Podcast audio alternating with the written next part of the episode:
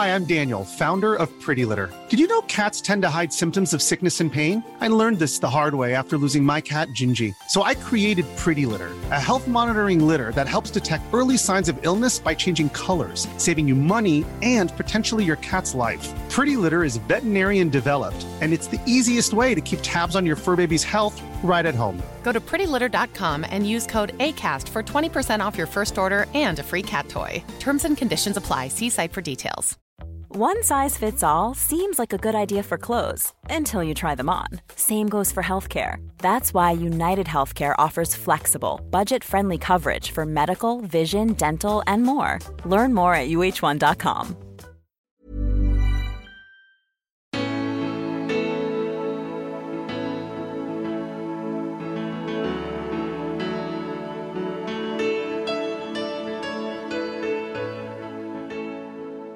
När man tar centralstimulantia, gör man det tillräckligt mycket till länge så löper man en risk för att få en psykos. Eh, och en psykos i sig ökar risken för suicid.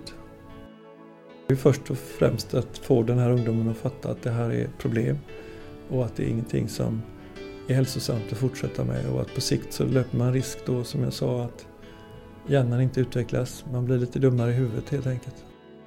Eh, med trakasserier och, och med, med, olika sätt och olika former av repressalier som gör att, att det inte är så jätteattraktivt att säga någonting i debatten. Um, därför att det, det händer saker på nätet som är, som eh, är en del av vad man kan säga nätmobbing eller näthat. Uh, och det har jag råkat ut för och, och många andra med mig som, som gör att man tappar sugen att debattera faktiskt.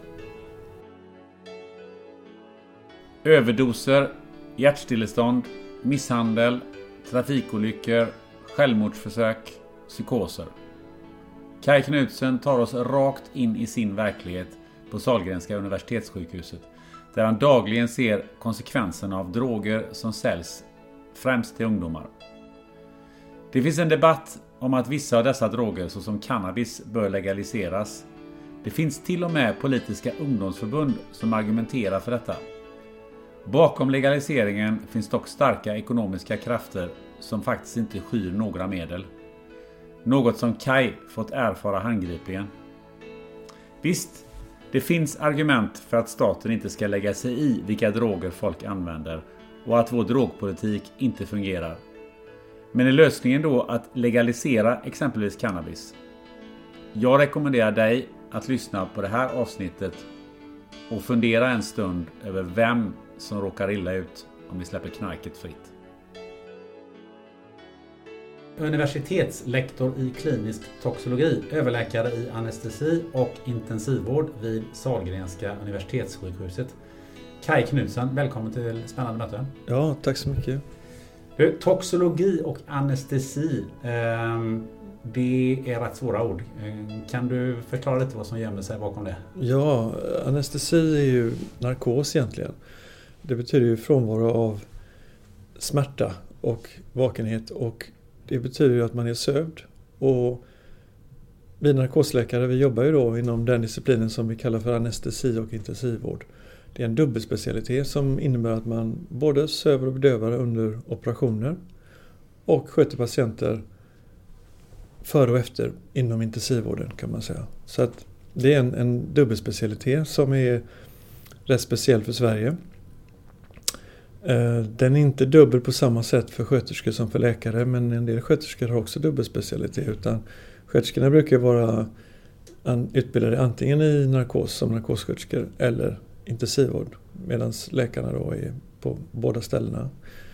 Eh, för min del så, så eh, har jag alltid gillat att jobba med båda de här fälten. Jag tycker det är roligt att söva och bedöva på operation. Och jag tycker det är intressant och spännande att jobba på IVA, på in, inom intensivvården. Uh, och jag har hållit på med detta nu i, ja vad blir det, 37 år. Uh, och det är fortfarande en, en, en utmaning och, och, kanske mest då inom intensivvården där man, där man ofta sysslar med, med hela utredningen av, av patienternas svåra tillstånd eh, där vi både då bedriver diagnostik, utredning och behandling. Eh, vilket gör att man får, måste ha rätt så breda kunskaper. Och, eh, det är allvarligt sjuka patienter, det är därför man hamnar inom intensivvården. Man kan säga att de som hamnar på IVA det är, det är ju de som, där livet är hotat.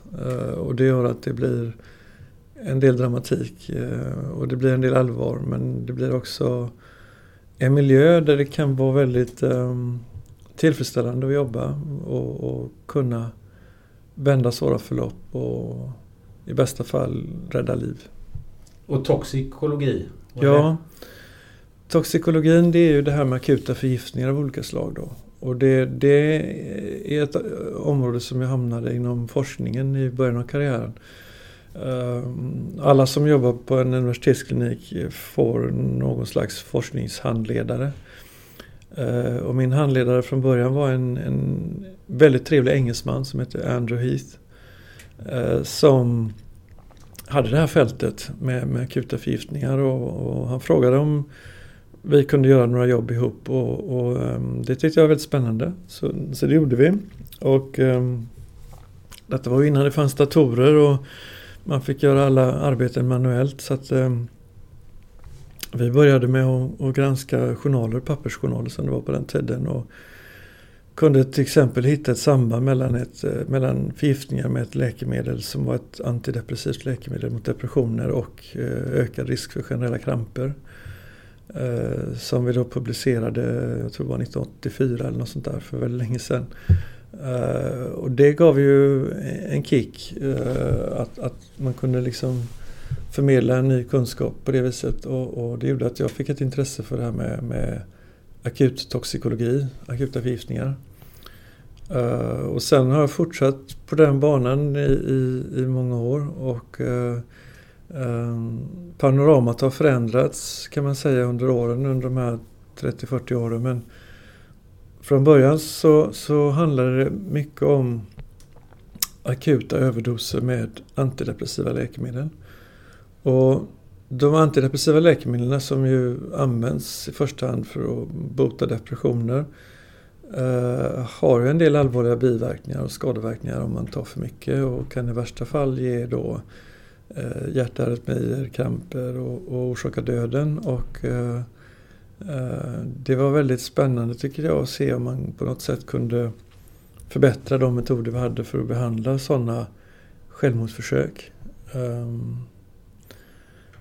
jag hade också eh, privat råkat ut för att det fanns runt omkring mig personer som hade gjort detta som hade satt ganska djupa spår. Eh, jag hade en av mina bästa vänner under skoltiden, tonårsperioden, som tog just en överdos av, av ett sånt här antidepressivt läkemedel som han kanske inte riktigt förstod vad det eh, innebar. Eh, och dog i 20-årsåldern alldeles för tidigt. Så jag miste där en, en, en väldigt god vän, en kul, intelligent kille som jag saknar än idag. Uh, och, det satte ju sina spår och på något sätt kände jag liksom att 17 också, det här måste vi kunna göra bättre och lära, lära oss mer om och hur man ska behandla och fixa. Ja, intressant. Blir man drogexpert på eh, köpet där? Nej, utan från början handlade det om de här eh, antidepressiva läkemedlen då, som, som liksom var min grej. Och eh, jag gjorde då en del experimentella försök eh, på, på det här för att behandla hjärtsvikt vid sådana här överdoser, för det är det som man, man får. Och lärde mig en del om hur man kan behandla hjärtsvikt och hjärtarytmier och oregelbunden hjärtverksamhet. Eh, och ehm, det är rätt kul att de erfarenheterna och kunskaperna har jag sen kunnat ta med mig liksom i min fortsatta verksamhet som allmän intensivvårdsläkare när jag ser någon som har allvarlig hjärtsvikt av även andra skäl. För att det, det, de principerna och de läkemedel och så som vi använder det funkar även på andra tillstånd. Så att, så att eh, eh därigenom kunde jag ju då skriva en avhandling och eh, fick den godkänd. Och, eh, så långt så, så handlade ju mitt jobb mest bara om läkemedelsförgiftningar och detta var på 80-talet. Sen på 90-talet så, så dök det upp en konstig drog som hette GHB. som vi då inte visste vad det var. Ehm, och då, de fallen kom i slutet av 90-talet. De ramlade in på intensivvården för de var flesta var komatösa. Det var i övrigt friska, unga, stora, starka killar. Många sysslade med, med att bygga muskler. Ehm, och några av de första fallen var väldigt dramatiska och eh, från början visste man inte att det var GHB. Vi visste inte vad det var. Och då fick jag liksom frågan, vad är det här för konstig drog? Och eh, vi, vi, förstod det inte först men, men, ganska snart så kom vi fram till GHB. Eh, och eh, sen exploderade ju det i Göteborg, det här med GHB-missbruket och blev ett epicentrum kan man säga i Sverige för, för den drogen. Eh, och jag var tvungen att lära mig detta och eh, kunde också passa på att göra en del forskning på det och, skriva några artiklar om det som, som vi kunde sprida ut sen eh, internationellt. Och på det viset så, så blev det då mer inriktat på det här med droger och drogförgiftningar. sen efter det så, så har det ju fortsatt på det spåret att vi har sett väldigt många nya konstiga droger och det har liksom alltid jag fått frågan vad är det detta för drog? Och försökt samla liksom kunskap kring, kring de här substanserna om eh, vad de har för effekter och förverkningar och hur vi ska kunna hantera det och försöka få de här drogerna klassificerade som narkotika när de inte har varit det för att kunna på något sätt eh, stoppa bruket och försäljningen och missbruket och förhoppningsvis skadeverkningarna också.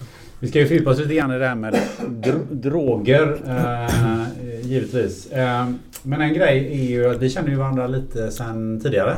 Ja. Och det är ju två... Eh, dels är det ju faktiskt så här att du har ju varit med och förlöst min dotter. Jaså, okej. Okay. Och det kanske du inte var... Nej, det kommer inte det ihåg. Det kommer du inte ihåg. Men det, var ju, det är ju sagt för 28 år sedan så det är inte så konstigt. Och du okay. var säkert med många gånger men du okay. var med vid ett kejsarsnitt där. Okej, okay. ja. Uh, trevligt. Så det känns uh, lite extra speciellt faktiskt att sitta här och prata med dig. Gick det bra? Det gick jättebra. Det är en fantastisk dotter som vi har som ja. nu vill studera och eh, efter då ha läst både eh, apotekare till hälften och snart sjuksköterska till hälften. Men hennes ja. dröm är att bli läkare. Så ja. att, och troligtvis, förhoppningsvis, så har hon gjort ett högskoleprov som gör att hon kommer in. Så hon har ja. ytterligare fem år framför sig. Så ja. att, Skoj. Men det ska inte det vi ska prata om. Vi ska inte heller prata om det att vi faktiskt stått på samma sida på en volleybollplan i våra ungdomsår. Ja men det var ju ännu roligare. Det är ännu roligare ja. ja, ja det är nästan lika roligt i alla fall. Du, hur, hur är din relation till volleyboll förresten idag? Alltså volleyboll spelar jag inte längre alls för jag fick sådana problem med knäna då. Ja. Men, men däremot så tränar jag mycket, eller försöker i alla fall träna fysiskt ja. ett par dagar i veckan. Uh, varierad träning och uh, alltså jag tycker det känns väldigt bra att fortsätta med träningen och jag försöker hålla mig sund och, och på det viset så, så kanske hjärnan också hänger med ja. några år till i alla fall tror jag. Jag mm. tror det.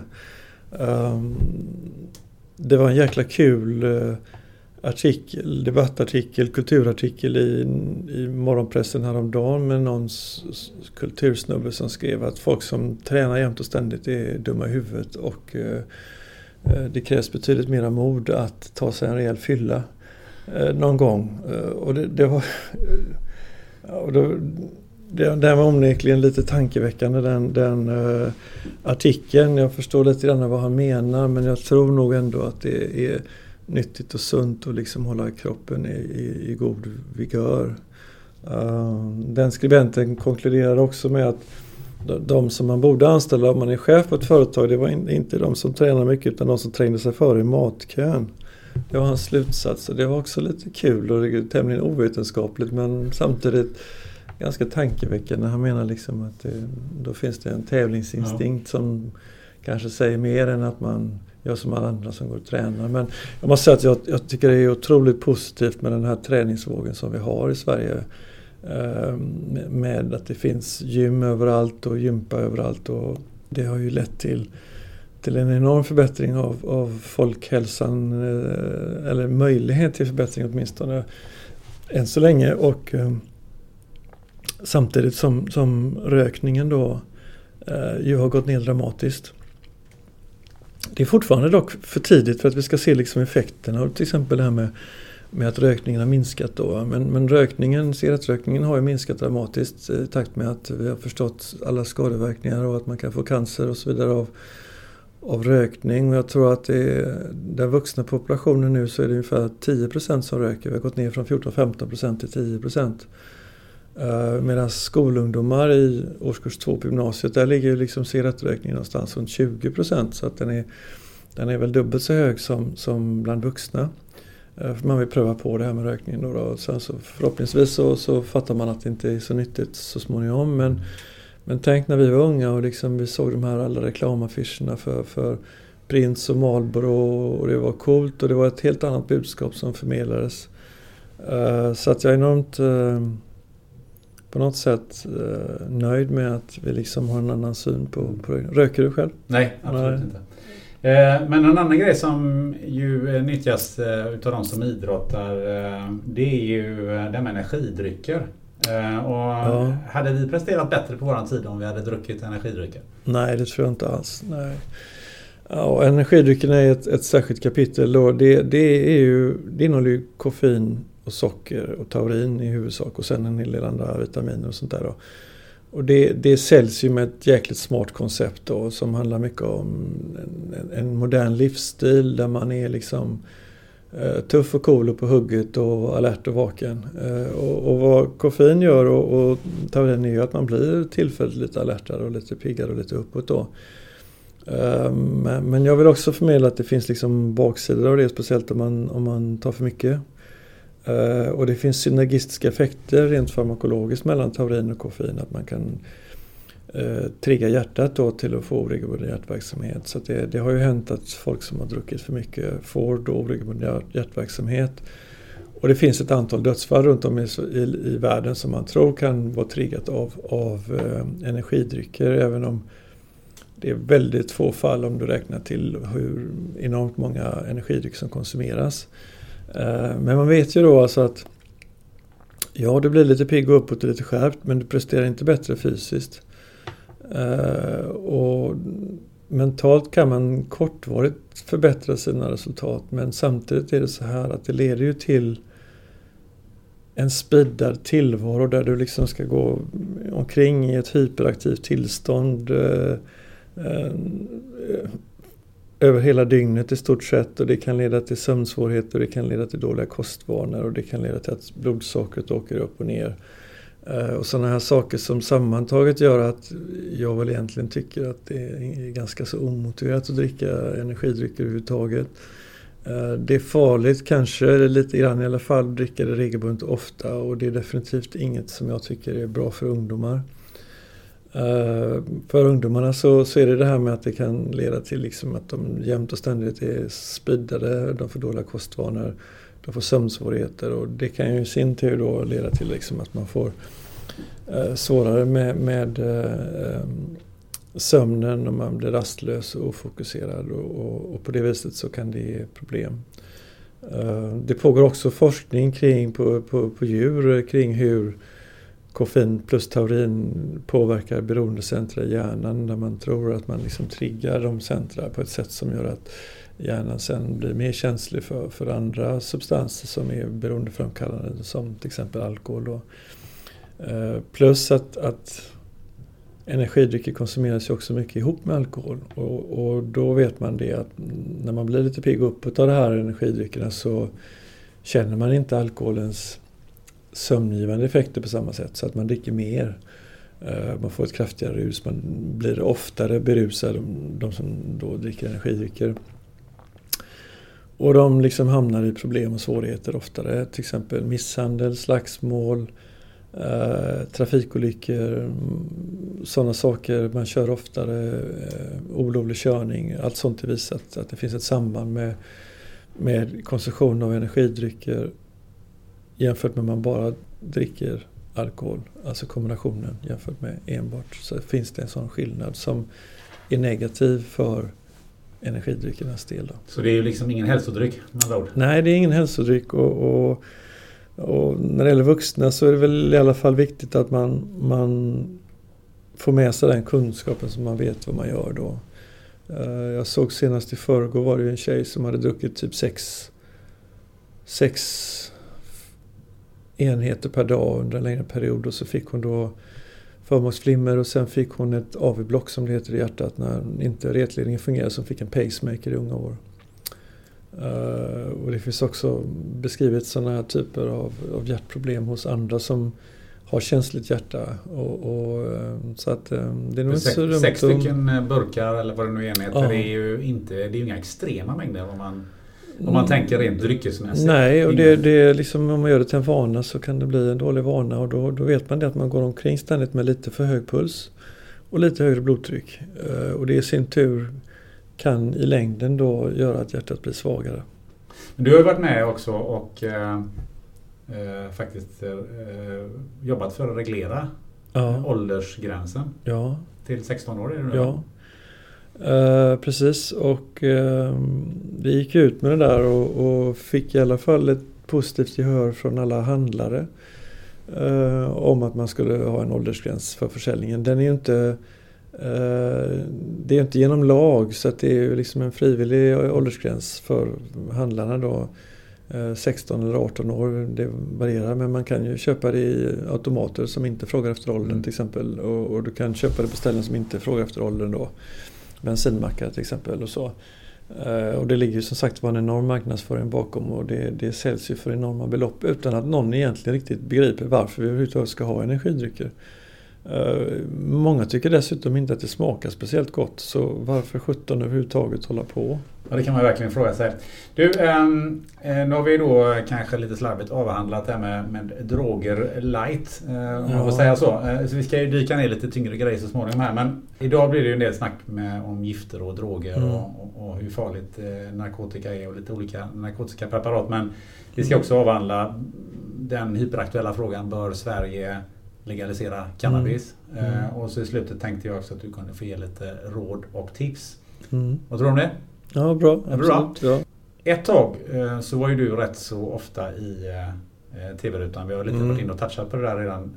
Och så fort man diskuterar droger så, så Mm. du, dök ju du upp eh, någonstans. Ehm, och, men det är inte riktigt lika vanligt nu. Nej, Vad kommer det sig? Ja, alltså jag är ju naturligtvis färgad genom mitt jobb helt enkelt för vi har ju sett under de sista 20 åren hur allt oftare vi får in patienter med diverse olika skador och framförallt då alltså man har ramlat och slagit sig man har, eller man har hoppat ut i en drogrelaterad psykos från en bro eller från ett högt våningsplan och, och, eller överhuvudtaget att man bara kommer in i, i en akut psykos. Och det här har blivit betydligt vanligare. Så att jag är färgad av alla de unga människor som jag ser som jag tycker har hamnat väldigt snett i livet och är väldigt illa ute. Eh, och vi har en ganska så dålig vårdkedja, det vill säga när, när man hamnar på IVA så räddar vi livet på dem och sen är vårt uppdrag klart. Eh, sen får de liksom sköta sig själva. Eh, och, och de flesta av de här har ju tappat fotfästet i livet kan man säga och, och är definitivt ute och far. Eh, många har ett etablerat missbruk, andra är på väg in i ett missbruk och, och jag tycker så synd om alla dessa unga människor, framförallt unga killar som, som far illa av det de håller på med. Eh, så att det, det är klart att det har ju satt sin prägel på, på min inställning till den här frågan och jag företräder en väldigt eh, restriktiv politik kan man säga för att jag, jag, jag förstår liksom att ju mer tillgängligt drogerna är desto fler är det som råkar illa ut. Eh, Samtidigt så har vi en, en, en liberaliseringsvåg som sveper över världen. Eh, Både i Sverige och internationellt eh, av olika skäl kan man säga i olika länder. Eh, men det är väldigt viktigt tycker jag att tänka på först och främst att man ska skilja på hur lagstiftningen fungerar ur preventivt syfte och sen hur det fungerar när det gäller vård och behandling. Eh, man anför ju liksom i den debatten i Sverige att det, den höga narkotikarelaterade döds, dödligheten eh, visar att den svenska narkotikapolitiken inte fungerar och det är ett väldigt förenklat betraktelsesätt enligt eh, eh, mitt synsätt därför att det, det är nog så att det fungerar ur ett preventivt syfte. Eh, men det, det fungerar inte när det gäller vård och behandling kan man säga. Det är så att vi idag vårdar vi och behandlar vi ungefär dubbelt så många för drogrelaterade problem som för tio år sedan. Och trots det så har dödligheten ökat gånger tre under samma tidsperiod. Det är en ganska häftig siffra alltså. Ja, det är det. Eh, det är väl ungefär 20 000 som behandlas nu per år mot 10 000 för, för tio år sedan. Uh, och, och, det är alltså uh, eh, naturligtvis också många då som kommer åter uh, för många vårdtillfällen. Och, och, bakom allt detta ligger ju oftast då en, en psykisk ohälsa som antingen inte upptäckt alls eller som har upptäckts för sent och, och där det finns otroligt mycket mer, mer att göra naturligtvis. Men däremot när ett missbruk väl är etablerat så är det kolossalt svårt att komma till rätta med det. Och att vi har ökat på vår behandling så omfattande och ändå eh, dödstalen ökar visar liksom hur svårt det är. Ehm, det betyder ju inte att vård och behandling är meningslös utan tvärtom, den är väldigt meningsfull för att det är så många som behöver den. Men, men att förhindra dödlighet är väldigt svårt och att använda dödlighetssiffror som en slags tolkning för den här politiken är väldigt komplicerat och det är också kontroversiellt. Och jag har varit med i en del debatter och, och gjort en del intervjuer tidigare och eh, eh, om vi säger motståndarna som tycker att man ska liberalisera och legalisera eh, har ju då, många av dem i alla fall, liksom eh, också eh, gett sig på många av dem som är konservativa eller restriktiva eh, med trakasserier och, och med, med, olika sätt och olika former av repressalier som gör att, att det inte är så jätteattraktivt att säga någonting i debatten. Um, därför att det, det händer saker på nätet som är, som eh, är en del av vad man kan säga nätmobbing eller näthat. Uh, och det har jag råkat ut för och, och många andra med mig som, som gör att man tappar sugen att debattera faktiskt.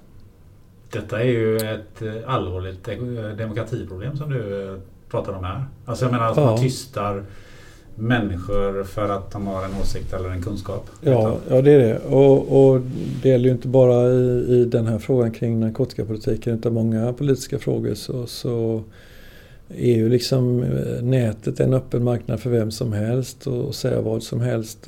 Men jag menar vi är ju också spårbara så man kan liksom ta reda på vem det är. Men jag menar bakom mina åsikter så finns ju min person som, som inte är okänslig för den här typen av, av påhopp naturligtvis. Va?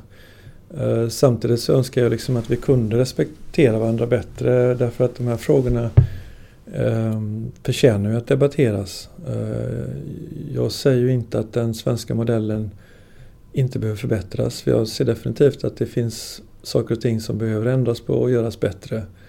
Eh, på många sätt och vis när det gäller eh, inte minst vård och behandling och, och fungerande vårdkedjor.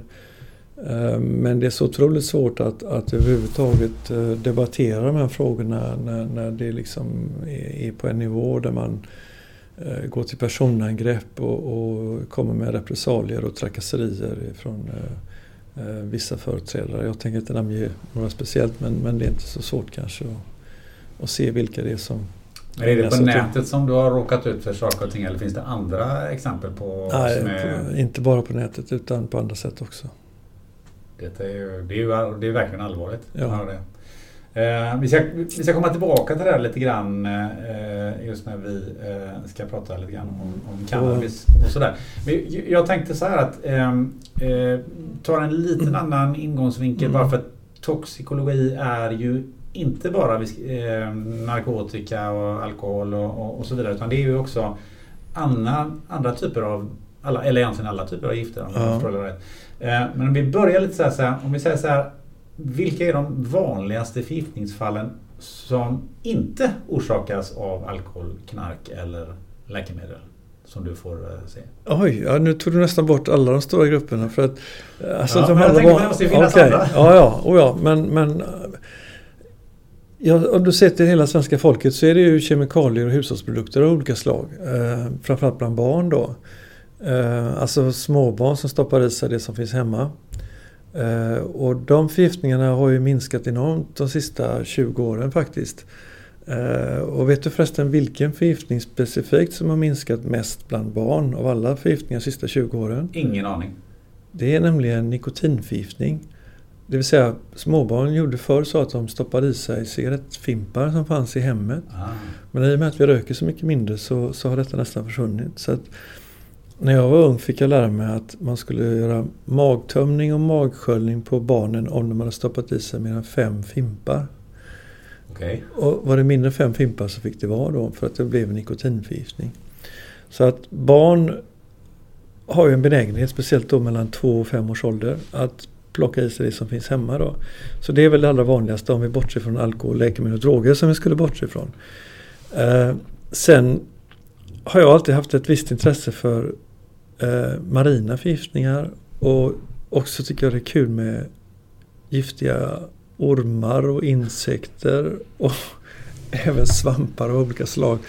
Så att det, man kan säga att det här fältet då med, som jag pysslar med, med akut toxikologi, det innehåller ju en, en ganska mörk sida, en svart sida men också en väldigt ljus och rolig sida om man ser det liksom ur ett professionellt perspektiv när man jobbar med de här frågorna. Och till den mörka sidan har ju det här vi pratat om med, med drogerna och missbruket och alla ungdomar som jag ser som, som eh, har hamnat snett och råkat illa ut och fått allvarliga skador och men och kanske dör hos oss till och med. Det är den mörka sidan. Men den ljusa sidan är ju att man kan ägna sig åt forskning och att man kan göra intressanta och spännande vetenskapliga arbeten. Både i experimentell miljö men också registerstudier. Eh, och det finns också en positiv sida rent personligt privat på det viset att jag under senare år fått många kontakter som är utanför den medicinska sfären. För att eh, som läkare, om du frågar de flesta läkare så umgås de med andra läkare. Eh, precis som andra yrkeskategorier så umgås man liksom med de man jobbar mest med. Så att många läkare känner ju bara läkare i stort sett. Va? Eh, men jag tyckte vart, och, så var det väl för min del kanske de första 10-15 åren. Alla kompisar var läkare då, och kursare och, och kollegor. Men eh, under senare år så har det här arbetet då som jag har pysslat med, med toxikologin gjort att jag fått många kontakter inom polisen, domstolsverket, åklagare, försvarsadvokater. Eh, och det tycker jag har varit väldigt kul och, berikande på många sätt och vis. Ehm, jag har haft förmånen att få delta i många, många rättegångar och, och, vara med som, som någon som kan svara på frågor kring farlighet och skadeverkningar och sådana saker. Och det, det har ju gett mig en insyn i, i andra människors professioner på ett sätt som jag tycker varit eh, berikande och positivt. Då. Jag som gillar att plocka svamp. Eh, hur Ja. mycket svampförgiftningar får du in eh, varje Ja. år? Här? Jo men det är ju några varje år och, och tillbuden är ju desto fler då. Och det är ju så att liksom, råkar man ut för en allvarlig förgiftning så brukar man ringa till Giftinformationscentralen i Stockholm och få råd. Och, och den är värd att nämna då för den är jäkligt bra. Eh, den är ju tillgänglig inte bara för läkare men all, all professionell personal kan ringa. Men också privatpersoner kan ju ringa. Så det är dit man ska Eh, ringa om man misstänker ett eh, Att man är förgiftad, ja. Och, och ett av råden just vid svampförgiftning är förstås att försöka först och främst identifiera svampen. Och då kan man ju få hjälp lokalt där, där man bor av eh, svampexperter. Som kan, om man inte vet vad det är, som kan titta på svampen och säga vad det är.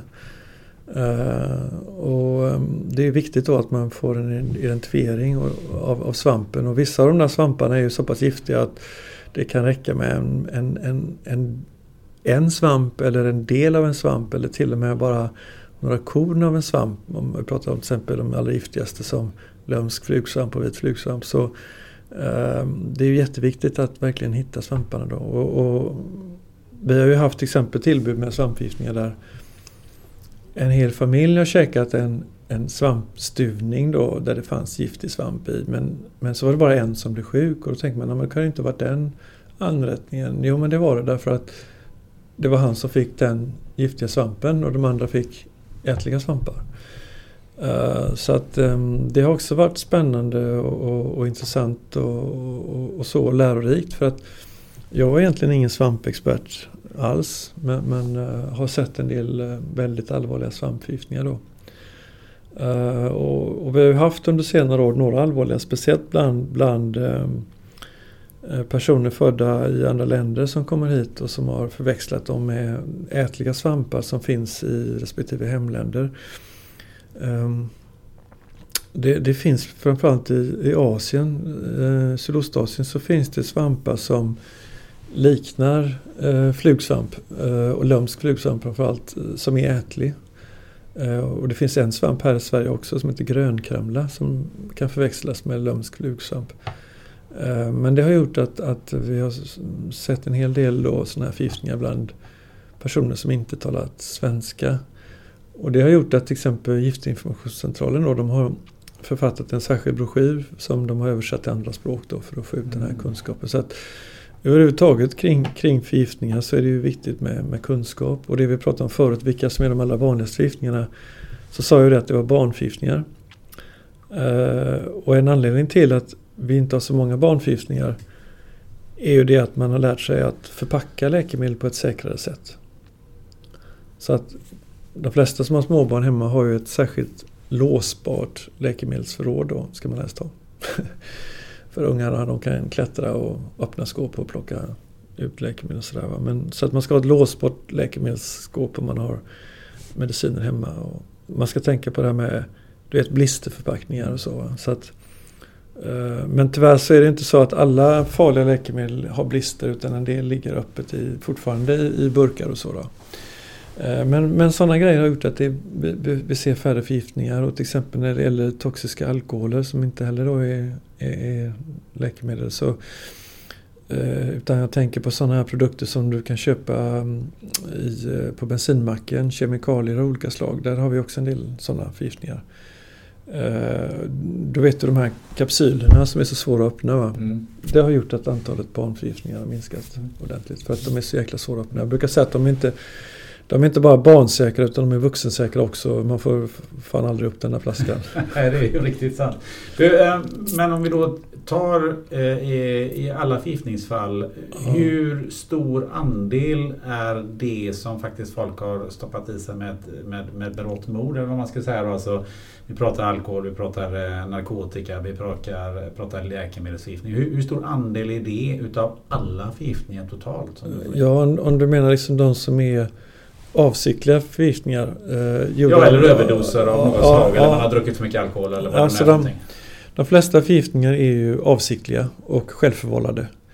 Eh, sen finns det de oavsiktliga förgiftningarna och de som är vållade av annan person. Då. Till exempel just om du har ätit en svampstuvning mm. som någon annan har gjort. Mm. Då är det ju inte du själv Nej. som stoppar i det då, utan det är någon annan. Då. Och det finns även om du tänker dig gaser och kemikalier och sånt då. Eh, det är ju inte heller avsiktliga förgiftningar då. Men de allra flesta förgiftningarna, den absolut största merparten är ju avsiktliga förgiftningar orsakade av den personen själv. Ehm, men nästa fråga blir då, eh, är det då ett självmord eller ett självmordsförsök som, som, som vi ser? Eh, så är det ju oftast bara en impulshandling kan man säga i någon som har varit liksom väldigt ledsen eller väldigt arg eller väldigt upprymd och tycker livet är jobbigt eller eh, vanligt arg på sin partner eller tycker att livet är fullt av motgångar och så bara stoppar man i sig alltihopa. Och I de fallen så känns det ju liksom extra bra om man kan rädda livet då om det är någon som råkat väldigt illa ut. Och, Eh, vi hade ju häromåret till exempel någon som hade stoppat i sig 100 kaliumtabletter som är väldigt, väldigt farligt. Då. 100? Ja. Hur hinner man få i sig 100 innan man... Ja, det går. Det går.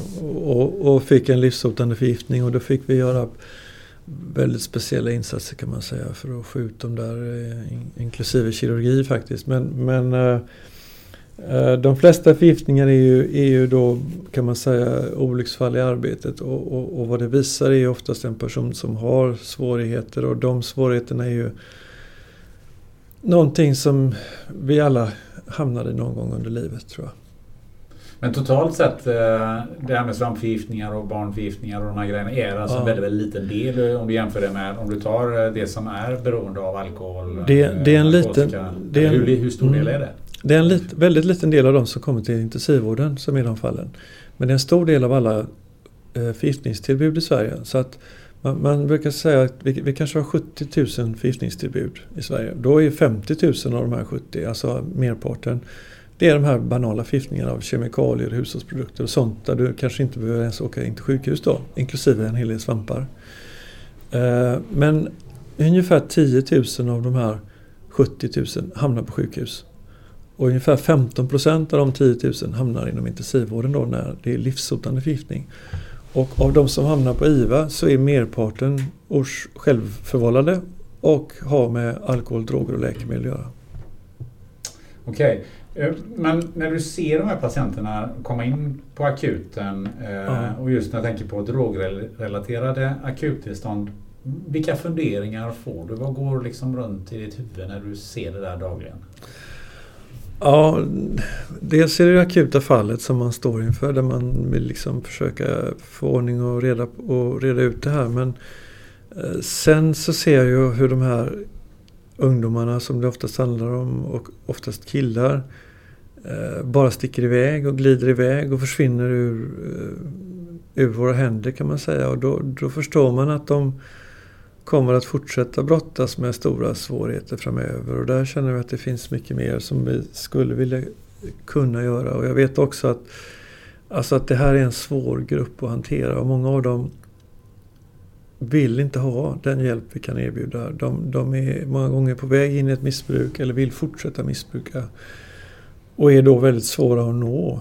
Eh, och det är en tung bit. Alltså hur ska man nå dem? Hur ska man kunna motivera dem till ett bättre liv eh, och få ordning på saker och ting eh, om de själva inte vill. Men när de är drogpåverkade och påverkade av de här medlen som vi ser dem så är de oftast stökiga, besvärliga, jobbiga och ibland till och med aggressiva och, och våldsamma och absolut ingenting som är trevligt att överhuvudtaget eh, befatta sig med. Men i nästa skede, om man ser dem komma nyktra och, och, och söka vård och hjälp så kan det vara en helt annan person som Eh, Eh, både medgörlig och eh, ödmjuk. Så att det, det är stora svängningar och när man ser dem i de akuta fasen så måste man liksom nypa sig i armen och tänka det nästan varje gång. Liksom, att det, här, ja, det, det, är lite av Dr Jekyll och Mr Hyde. Va? Så att på, bakom det här så finns det någon som eh, inte mår särskilt väl och som, som förhoppningsvis kan åtminstone erbjudas hjälp då eh, till att få ordning och reda på livet. Du har varit inne på det här med att eh, många eh, utav de här fallen är relaterade till psykisk ohälsa. Ja. Ehm, har vi för lite resurser när det gäller sjukvård inom psykiatrin? Ja, det har vi. Och det är ett stort och svårt kapitel som man kan säga är det är bättre ju tidigare man tar tag i problemet och sämre ju senare såklart. Då, då. Uh, så att komma in när liksom missbruket redan är etablerat är väldigt, väldigt svårt att få ordning och reda på det och få struktur och kunna uh, ja, komma ur det hela bra. Utan det gäller det är så viktigt att komma in tidigt, redan i, i förskoleåldern, hitta de barn som, som man ser har svagheter, svårigheter. Eh, så att man kan ja, leda, hjälpa, stötta eh, på det viset att de inte hamnar i ett drogmissbruk. Så att jag tror väldigt mycket på de här preventiva insatserna. Eh, och, och det är nog det allra viktigaste, framförallt i skolan. Hur har droganvändandet förändrats över tid? Det är en, jag har fått in lite lyssnarfrågor här som jag kommer sticka emellan med. En tjej som heter Linda Larsson har, har frågat dig. Hur har det förändrats över tid? Uh, hur såg droganvändandet ut för 50 år sedan jämfört med ja, ja, det har ju förändrats upp och ner några gånger fram och tillbaka. Um, till exempel kokainet kom ju i början av 1900-talet men, men alltså droganvändningen i Sverige kom egentligen faktiskt in ungefär med jazzmusikens inträdande.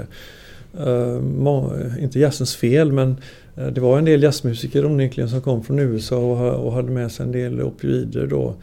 Eh, och även, även cannabis. Och sen så kom ju även centralstimulantia in. Och det kom ju ofta, faktiskt från början in genom läkemedelsindustrin som, som utvecklade amfetamin och amfetaminanaloger för att man skulle kunna Eh, dels inom det militära vara vaken mer och kunna vara piggare och mer uppåt och, och strida som soldat under längre tid. Eh, och sen kom det också in på, på slutet av 60-talet som bantningspreparat för att det är ju aptitnedsättande. Man är pigg och uppåt aktiv och så käkar man inte. Va? Eh, och på det viset används ju droger fortfarande, centralstimulantia, amfetaminanaloger av olika slag. Då. Så att man kan väl säga att det hela började under 60-talet, det eskalerade våldsamt under hippie-eran, början av 70-talet, mellan 70-75, men med alla droger kom med hallucinogena substanser. Cannabis kom ju då med hash framförallt i Sverige och sen LSD och så.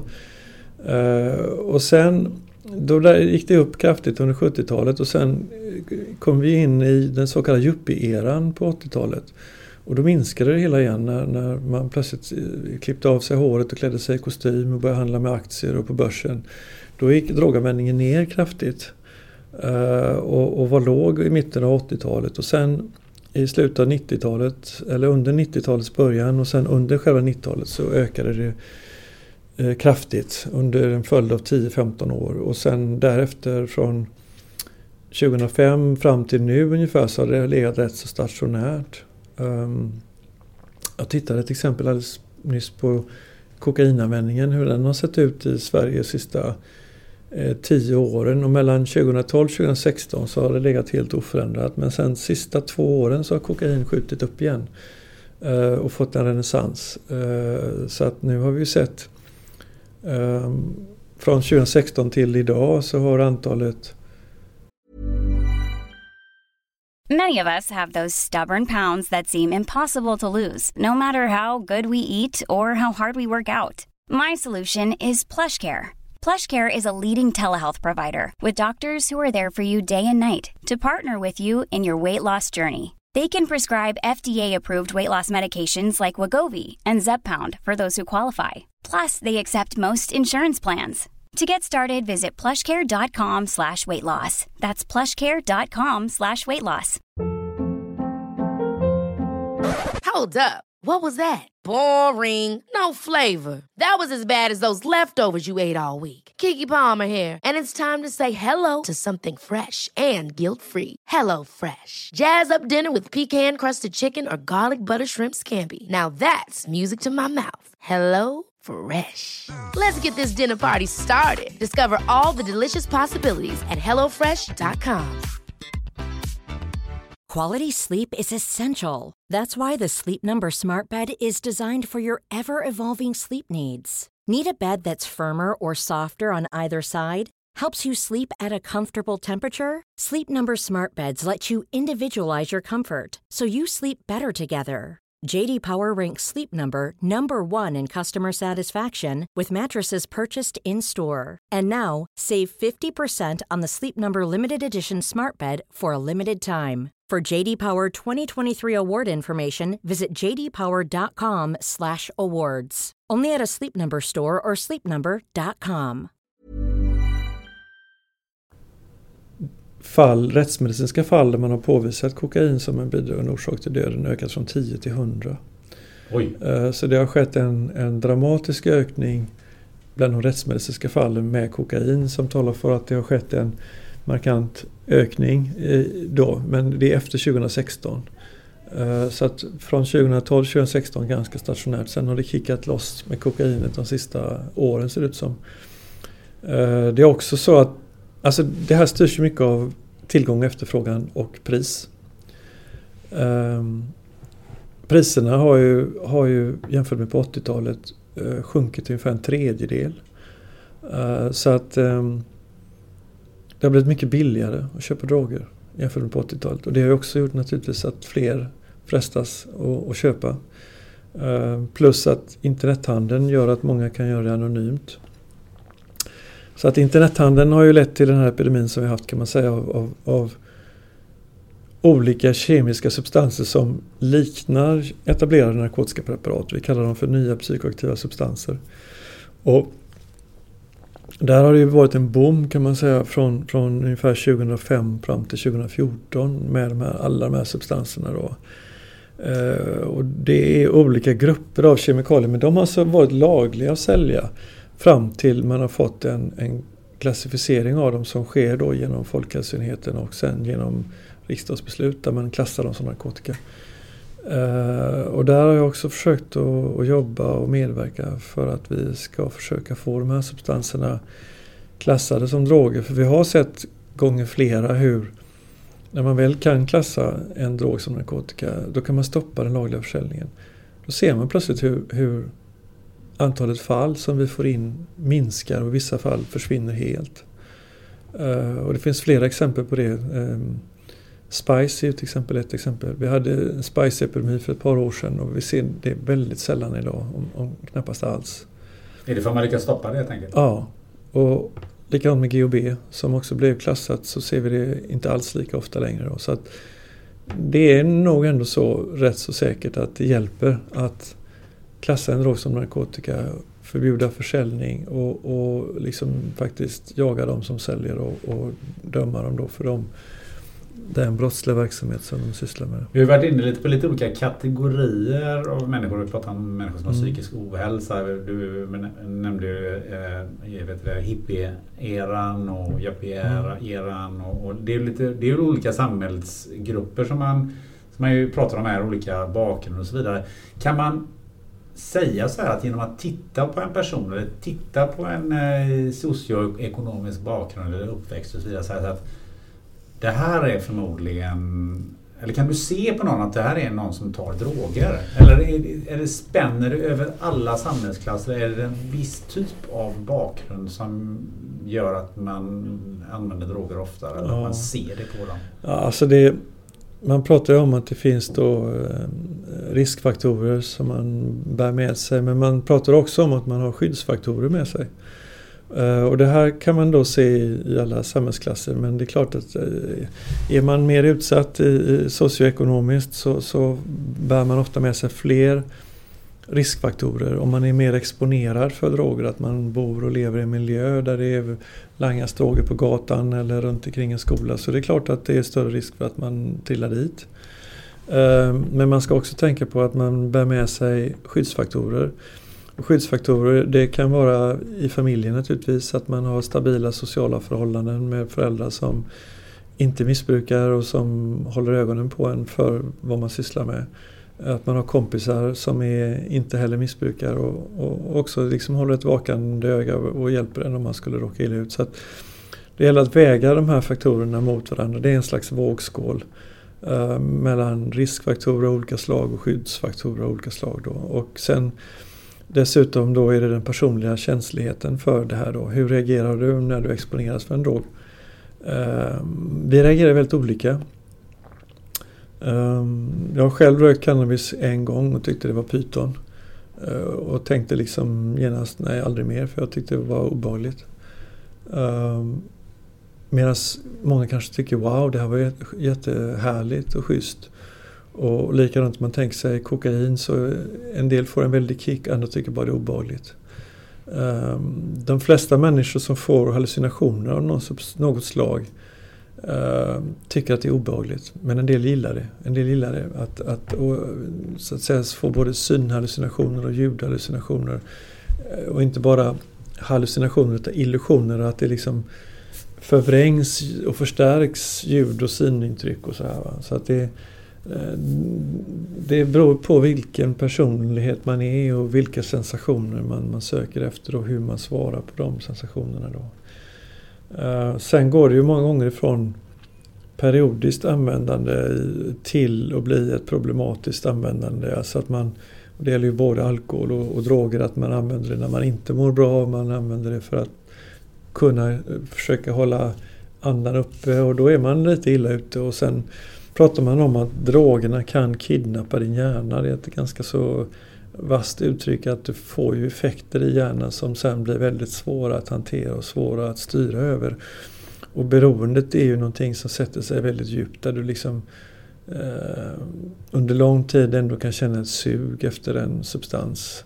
Eh, och, och, det kan vara narkotika men det är ju även till exempel kaffe eller eh, nikotin då.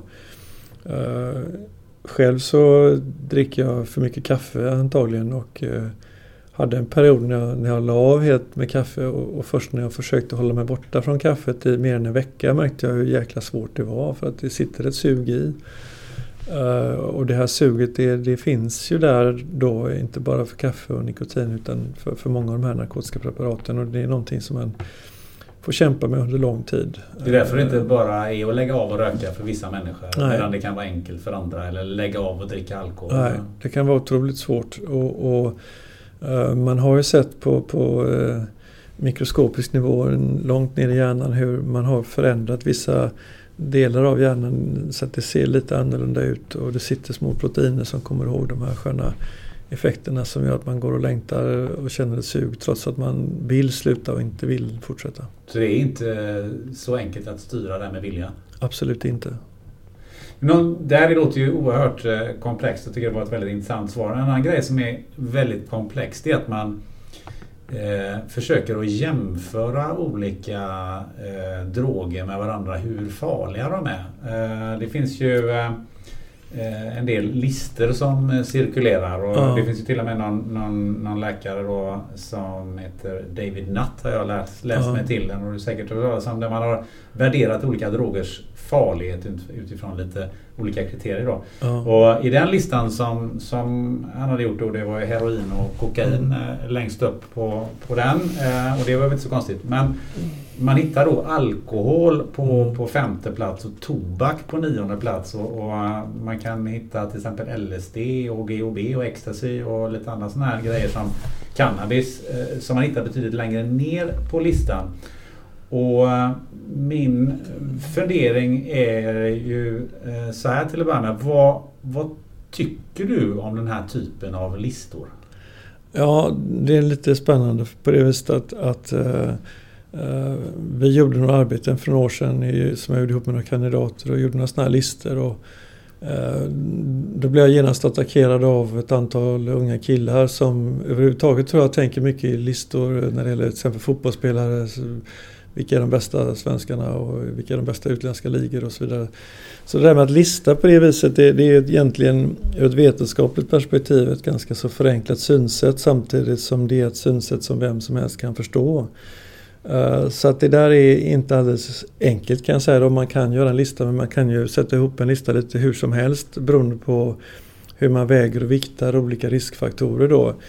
Och, och, de här listorna som, som David Nutt gjorde, de, de var ju slagkraftiga på det viset att han ville liksom visa på att, att alkoholen har ju minsann väldigt kraftiga skadeverkningar och det, det, det har han ju alldeles rätt i, för det vet vi. Och att det är ju det som eh, kostar samhället mest pengar beroende på att, att det är, är, är, så väldigt många som råkar illa ut för alkohol. Det är ju flest dödsfall, långt mycket mer än drogerna, men det är också då ännu många mer som använder alkohol jämfört med droger. Så hur ska man då jämföra detta? Ska man jämföra totalen eller per capita eller per användare eller hur ska man göra? Så det går att göra på många olika sätt och vis då. Eh, samtidigt så Alltså alkohol är en, en etablerad substans som är legal men som också har problem av liknande slag som droger med beroendeutveckling, med missbruk Eh, Eh, med eh, översjuklighet och med dödlighet. Då. Eh, men där vi ändå i samhället har valt att säga att det här är okej. Okay. Och jag kan ju ge mina motståndare eller belackare då rätt i det de säger att det, att det inte är fullt logiskt att, så att, säga, att säga det för den, att säga det att cannabis inte, inte ska vara lagligt medan alkohol får lov att vara det på det viset att skadeverkningarna då är väl, väl så omfattande för alkoholen? Jo men det är de, men de är av olika slag och de är i olika åldersgrupper.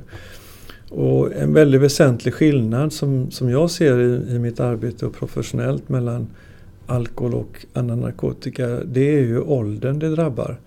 Eh, de flesta som råkar ut för de allvarliga skadeverkningarna av alkohol är över 50 år. Över 50? 50 ja. Eh, det är då man får de allvarliga skadeverkningarna som eh, bukspottkörtelinflammation, som åderbråck i matstrupen, som blödningar från mag-tarmkanalen, som levercirros, som eh, ja, hjärnsvikt på grund av leversvikten och så vidare. Va? Alltså de här allvarliga effekterna de kommer efter 50 års ålder. Eh, det är inte alls sådana skadeverkningar i ungdomsåren men det finns ju andra skadeverkningar av alkoholen. Framförallt då att man under ruset då råkar ut för olyckor. Då. Däremot narkotika överlag så sker skadeverkningarna mycket tidigare. Beroendeutvecklingen är betydligt snabbare. Man fastnar i ett missbruk som är sånt att det går på några få år kanske innan man har trillat dit. Eh, en tydlig skillnad såg vi mellan GHB och alkohol som är rätt så lika annars. Att på GHB kunde bli beroende på sex månader. Alkohol brukar man säga att det tar sex år innan man blir alkoholist, kanske tio år i vissa fall. Så att det är ju tidspanoramat som är skilt, gör det väsensskilt. Det, det tar så många mer liv, det förstör livet så mycket tidigare med narkotika jämfört med alkohol. Eh, så det tycker jag väl motiverar liksom en annan syn på, på de olika lagstiftningar och system vi har kring, kring hur vi ska försöka att begränsa skadeverkningarna och också sprida information kring. Det där var ju väldigt intressant att höra för att eh, det som man ofta hör är ju just det här att men alkohol och rökning hamnar mm. högre än cannabis. Därför mm. borde vi tillåta ja. cannabis, typ. Eller ja. att eh, man, man är inte det lite farligt med de här listorna? Att, eh, att man har det som någon sorts inteckning för att eh, legalisera olika typer av droger? Jo, man, kan, man kan göra listor på många olika sätt och vis. Då, men betänk att cannabis i första hand är en ungdomsdrog. Då. Alltså den, den stora populationen cannabisanvändare är mellan 15 och 25 år. Uh, och, framförallt i många andra länder är man även till och med under 20. Uh, och vi vet just när det gäller cannabis att det har skadeverkningar i hjärnan på hjärnans mognad. Om man använder det regelbundet så hinner inte hjärnan utvecklas på det viset som den ska. Alltså som ungdom? Um, hos ungdomar. Uh, det finns ju endogena cannabinoider i hjärnan som sannolikt spelar roll för utvecklingen av olika delar av hjärnan som eh, är blockerade om du tar cannabis och, och, cannabis sitter i kroppen under lång tid. Så att, eh, det är ett bekymmer med, med, med den substansen att, att det är så att den unga hjärnan riskerar att fara illa och detta är ju visat i många vetenskapliga studier. Då. Eh, däremot om du är låt säga över 50 år, den åldern när du råkar ut för alkoholens skadeverkningar, där är antagligen cannabis inte alls så skadligt då. Det finns fortfarande en risk för att du får hallucinationer och psykoser men de bestående skadorna så att säga, av cannabis de gäller framförallt i unga år.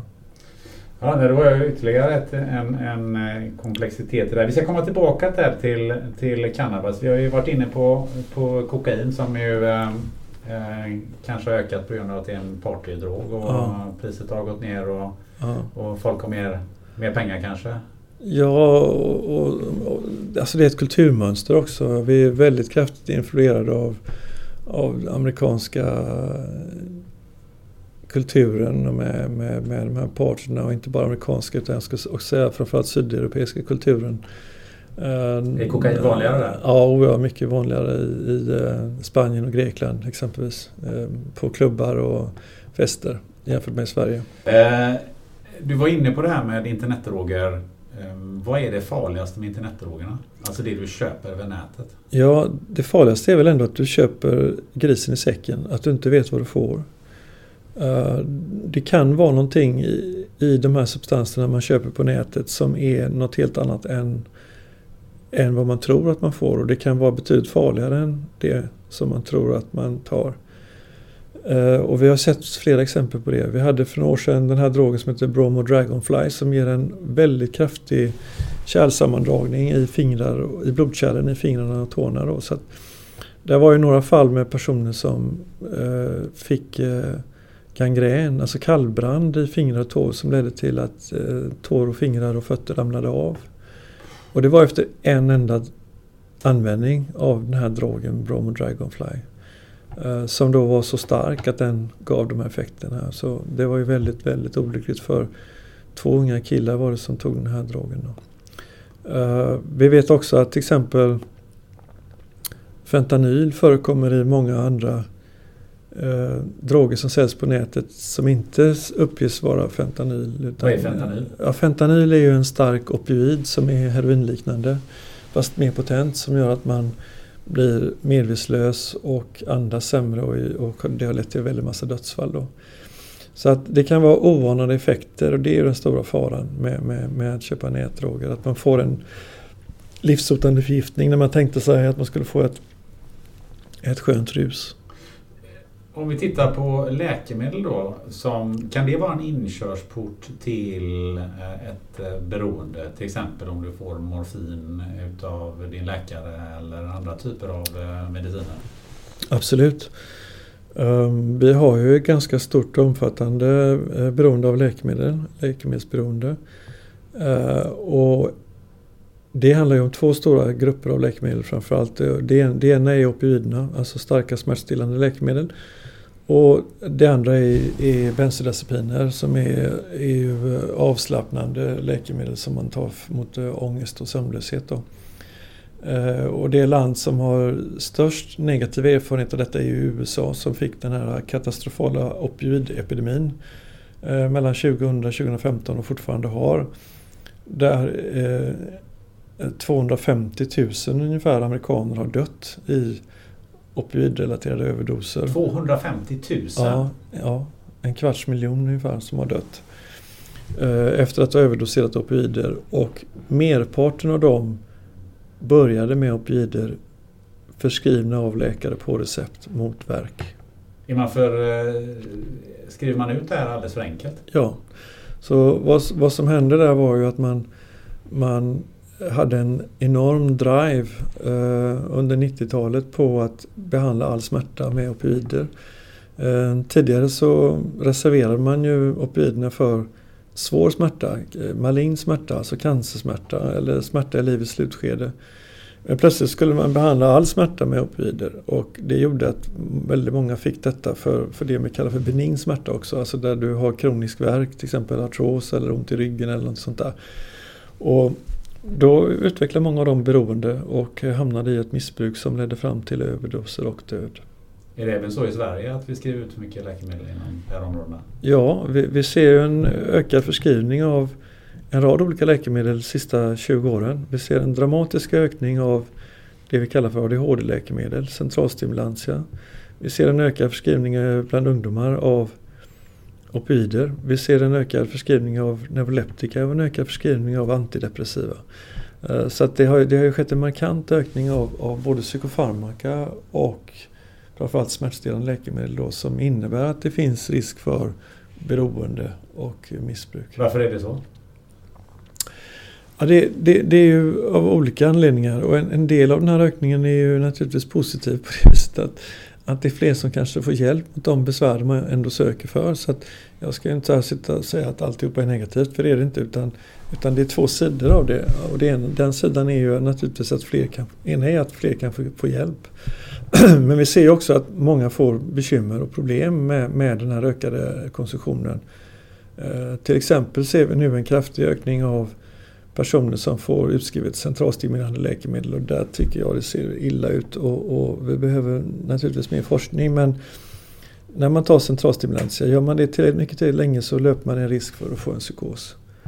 Uh, och en psykos i sig ökar risken för suicid. Mm. Uh, så att vi ser ju många som har försökt ta livet av sig efter att ha använt centralstimulerande medel och, och hamnat i en sån psykos. Ja, det låter ju oerhört eh, allvarligt. Eh, som, och det har jag hört från, från flera som säger att, eh, att de har sett mm. problem med det. Innan vi kommer in på det här med cannabis så, så ska jag ställa den här frågan som du säkert har fått hundra gånger. och när vi är inne på det här med läkemedel så är det det här. Det finns ju huvudvärkstabletter som Panodil och Alvedon. Mm. Ehm, och du har säkert fått frågan andra gånger som sagt var. Om man äter de här eh, en eller två sådana tabletter, vilket är någon normal dos, ja, ja. Eh, och dricker alkohol. Är det farligt eller inte farligt? Med paracetamol och mm. alkohol? Mm. Det, det, det, är lite lurigt därför att paracetamol och alkohol eh, är ingen bra kombination. Men, men om man inte har ett regelbunden konsumtion av vare sig alkohol eller paracetamol utan överdoserar kombinationen en enstaka gång så är det inte farligt. Vad menar du med överdosera? Alltså... Ja, alltså om du tar för många tabletter paracetamol så är det farligt. Om du samtidigt då tar alkohol så är, är, är det inte så himla farligt därför att eh, kroppen bryter i första hand ner alkohol. Och då kan det till och med vara så att det bryter ner paracetamolen lite långsammare vilket är gynnsamt faktiskt för att toxiciteten, farligheten, giftigheten av paracetamol beror på nedbrytningsprodukter till paracetamol och inte paracetamol i sig.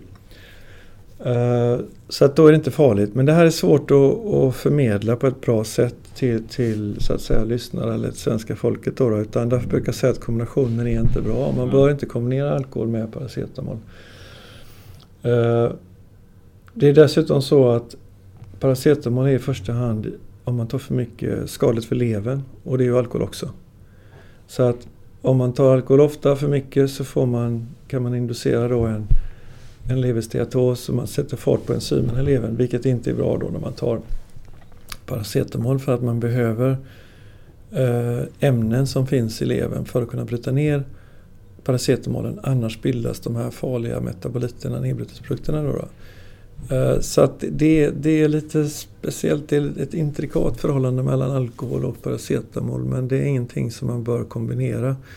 Eh, men det är inte farligt att ta Två Alvedon och eh, råka dricka Nej. några öl tre timmar senare. Nej, det är det inte. Men, men det är inte bra att dricka för många, för mycket, för ofta, för regelbundet och kombinera det med paracetamol.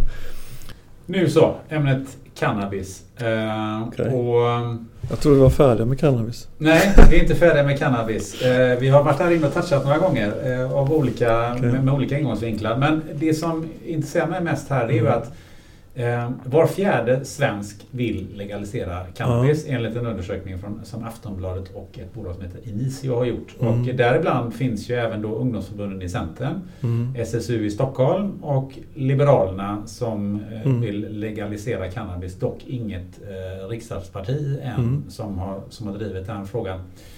Ehm, men innan vi kommer in på det så skulle jag bara vilja veta vad är skillnaden mellan marijuana, cannabis och hasch?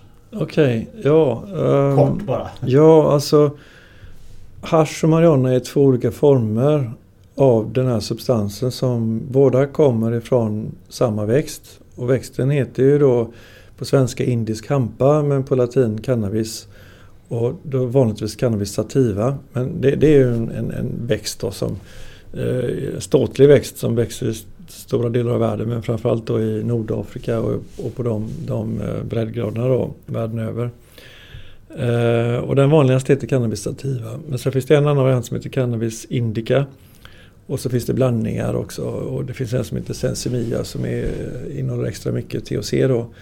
Och ur den här växten så tillverkar man då olika eh, substrat kan man kalla det för som kan ha olika former då. Och, och haschet det är ju liksom om du tänker dig torkade växtdelar, toppskott sammanpressade med kådan som kommer ut från stammen på växten som är lite klibbig. Så då blir det som små kakor som ser ut ungefär som eh, buljongtärningar. Väldigt likt buljongtärningar faktiskt. Eh, som man bryter ner sönderdelar och vanligtvis då röker. Eh, men alla droger kan man sätta i sig på många olika sätt då. Så att, inte bara rökning, men i huvudsak rökning. Man kan ju äta det också till exempel. Eh, och haschet är då de här små sammanpressade kakorna medan marijuanan i regel bara är torkade toppskott och blomdelar som är sönderdelade. och i regel från hornplantan. Som man då röker. Och man kan blanda det med, med tobak också. Då. Och båda de här substanserna kommer från cannabisplantan eller hampan. Och eh, innehåller då ett antal psykoaktiva substanser då som vi kallar för cannabinoider. Eh, minst ett 60-tal, kanske ett hundratal.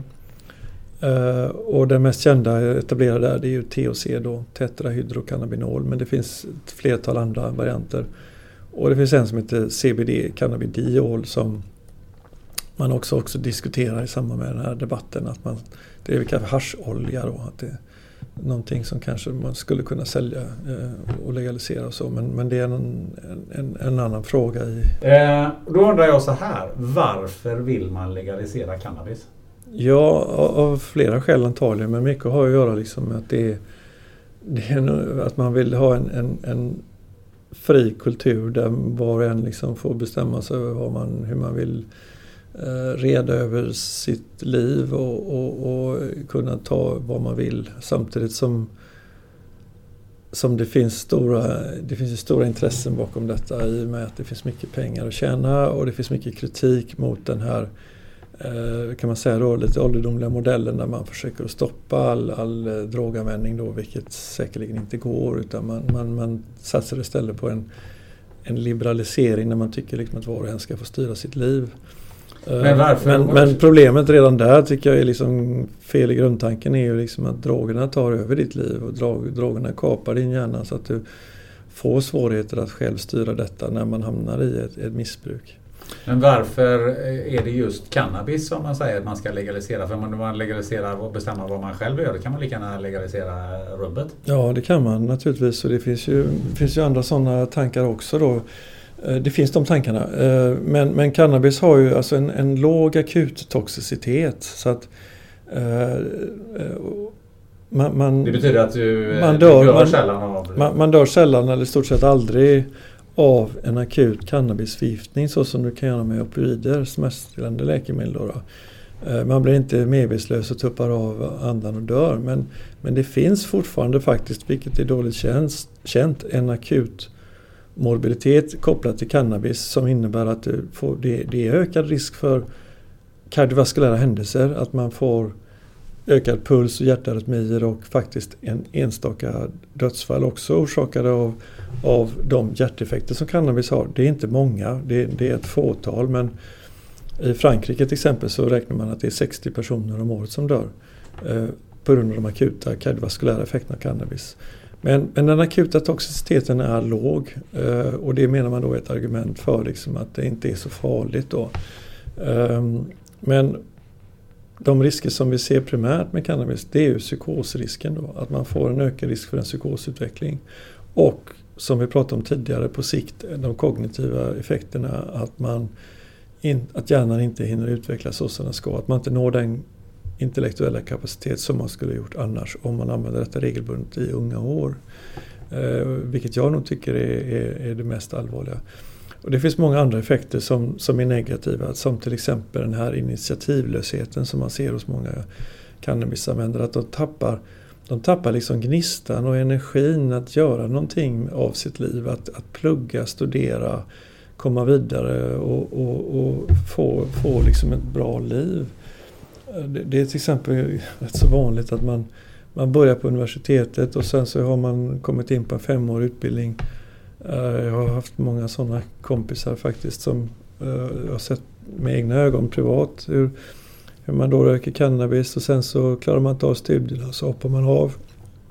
Och så går det några år till och då börjar det hacka i de sociala relationerna och sen så tappar man dem också så man tappar förlorar flickvän eller partner och, och sen hamnar man ensam och sen får man de negativa effekterna av cannabis eh, som, som liknar det vi kallar för schizofreniforma symptom. Att man blir, man blir innesluten, man blir passiv, man drar sig undan, man, man gömmer sig, man kanske eh, bor kvar hemma hos föräldrarna nere i källaren. Alltså man blir inte den person, man får inte blomma ut som den blomma man skulle kunna utvecklas till och det, det ser jag som väldigt negativt. Men, men jag håller med om att de här de akuta skadeverkningarna som man talar om eh, inte är alls så, så allvarliga som för många andra droger.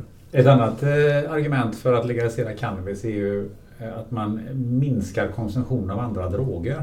Ja. Säger man ju. Vad, hur ser du på det? Ja, det tror jag är direkt fel. Eh, Det finns ju många studier som visar istället raka motsatsen att cannabisanvändare konsumerar mer droger av olika slag. Det ser lite olika ut i olika kulturer.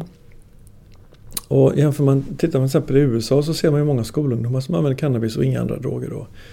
Eh, I Sverige ser det inte riktigt ut så utan de patienter som jag ser som kommer in och är påverkade av cannabis de är också när vi screenar eh, vi kollar vilka droger de är påverkade och så hittar vi inte bara cannabis utan mängd andra droger. Amfetaminanaloger, kokain, LSD. Alltså det, det, det vanligaste är ett blandmissbruk som jag ser det. Då. En annan, eh, ytterligare ett argument är ju att eh, man skulle få bort den olagliga handeln på gatan. Ja, eh, och, och det har man ju inte heller lyckats med än så länge. Då. Och det, det är lite grann som, som alkoholen också. Om du säljer laglig sprit så får du inte därmed bort all, all handel. Va? Utan i, i, i Colorado nu då, så, så ser man ju fortfarande en hel del illegal handel.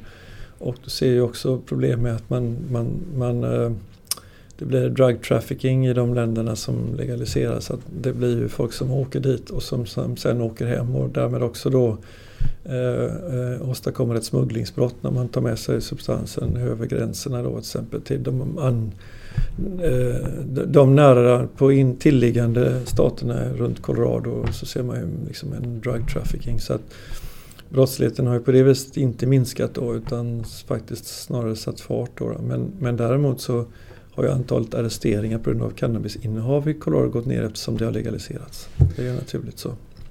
Men om vi skulle ha, släppa cannabis eh, fritt i Sverige och mm. ha en, ett, ett system så som Systembolaget, det vill säga att man har en statlig ja. kontrollerad ja. cannabishandel.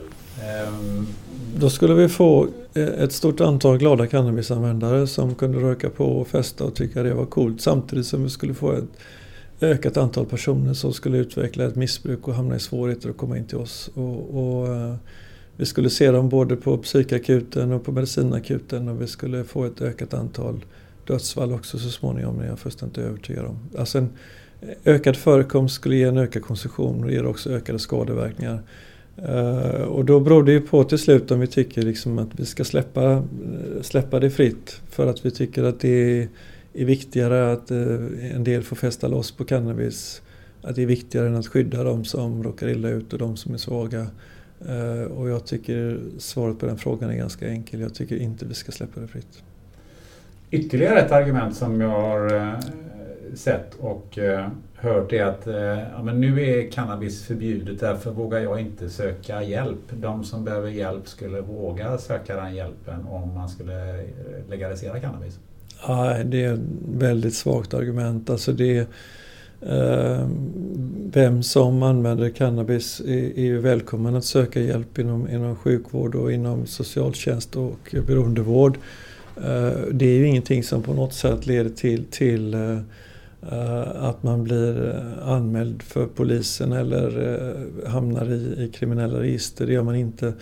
Eh, däremot om man fortsätter använda drogen så kan man exempelvis eh, vid en drogtest om man söker ett jobb mista sitt jobb. Eh, man kan få svårigheter att få ett jobb och man, man kan få andra betydande problem. Så att, nej, har man, har man problem så är det klart man ska söka hjälp för att bli av med sitt beroende och sitt missbruk.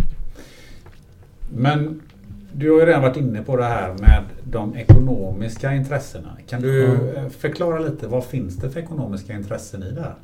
Ja men det, det var ju samma vi såg med opioidförsäljningen att det fanns eh, familjer som gjorde sig stormrika på att sälja opioider uh, med falsk marknadsföring. Vi ser ju nu att man går ut liksom med, med och försöker saluföra, saluföra cannabis genom att säga att det är liksom en substans, en drog som är bra mot allt. Ehm, man kallar det för panakea. Eh, det kommer från den grekiska mytologin att det fanns en grekisk gudinna som hette Panakea som tillverkade en, en, en brygd eh, alltså, som skulle vara bra mot allt.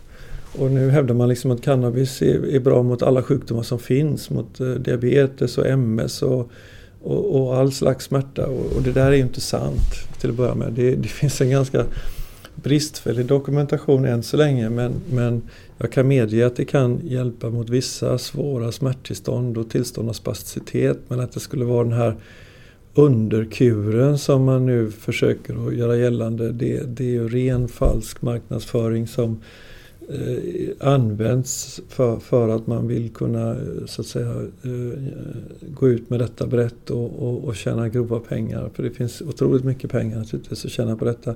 Precis som tobaksindustrin gjorde på 60-talet. Men eh, ligger det också stora ekonomiska intressen kring det här som gör att man eh, på politisk nivå försöker påverka eh, människor där? Ja, ja visst det gör det. Ehm, det finns ju stora pengar att, att tjäna på, på detta. Eh, och det finns en stark lobbyverksamhet eh, som, som använder advokater och, och, och influencers för att påverka i den riktningen att man vill legalisera. Och det är klart det ligger jättestora ekonomiska intressen bakom det. Um, Några Folkov som är, är företrädare för, för en, en, stor organisation i USA som arbetar mot droganvändning hamnade i ett rättsmål där hon hade ensam mot cannabisens eh, skadeverkningar mot ett 40-tal advokater på andra sidan. Men hon lyckades vinna målet ändå för hon hade eh, bättre vetenskapliga underlag för sina eh, ståndpunkter. Så att, eh, ja, det finns en stor organiserad eh, rörelse för, för eh, att sälja den här drogen som som jag nämnde då kommer att skapa mycket stora skadeverkningar om den sprids allmänt. Är det någonting som du också har märkt av på en annan nivå? För vi var inne på det här med tidigare i intervjun här att eh, vi pratade om att det inte alltid är så roligt för dig att eh, gå ut och, och, och prata de här grejerna. Mm. Finns det en påverkanslobby där som du har känt av också? Nej, alltså det, det, är ett kontroversiellt ämne. Det är ett svårt ämne och, och, och det finns ju synpunkter och ståndpunkter från, från, från båda håll. Uh, men jag tycker att det, det, det, liksom vore, det vore smakligt om man i debatten kunde kunde dämpa sig lite och kunde försöka förstå att det, det, det, det fortfarande behövs mer forskning och att vi kan vara lite försiktiga tycker jag ju med, med, med att kasta skit på varandra helt enkelt. Då. Eh, det, det, är ju liksom ett, önsk, ett önskemål jag har. Ehm, det är svårt att yttra sig i den här frågan utan, alltså det är väldigt många ömma tår man riskerar att trampa på om man säger någonting i, i den här frågan.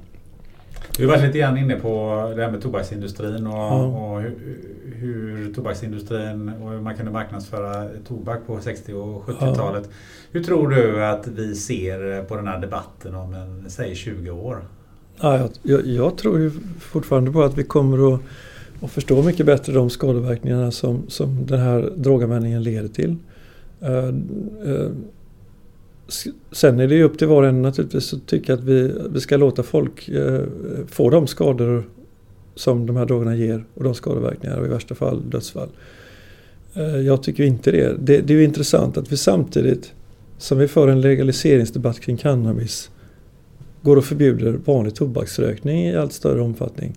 Eh, jag, jag, blev den, jag höjde väldigt kraftigt på ögonbrynen när man införde det här förbudet på restauranger i Sverige att vi inte fick röka vanliga cigaretter.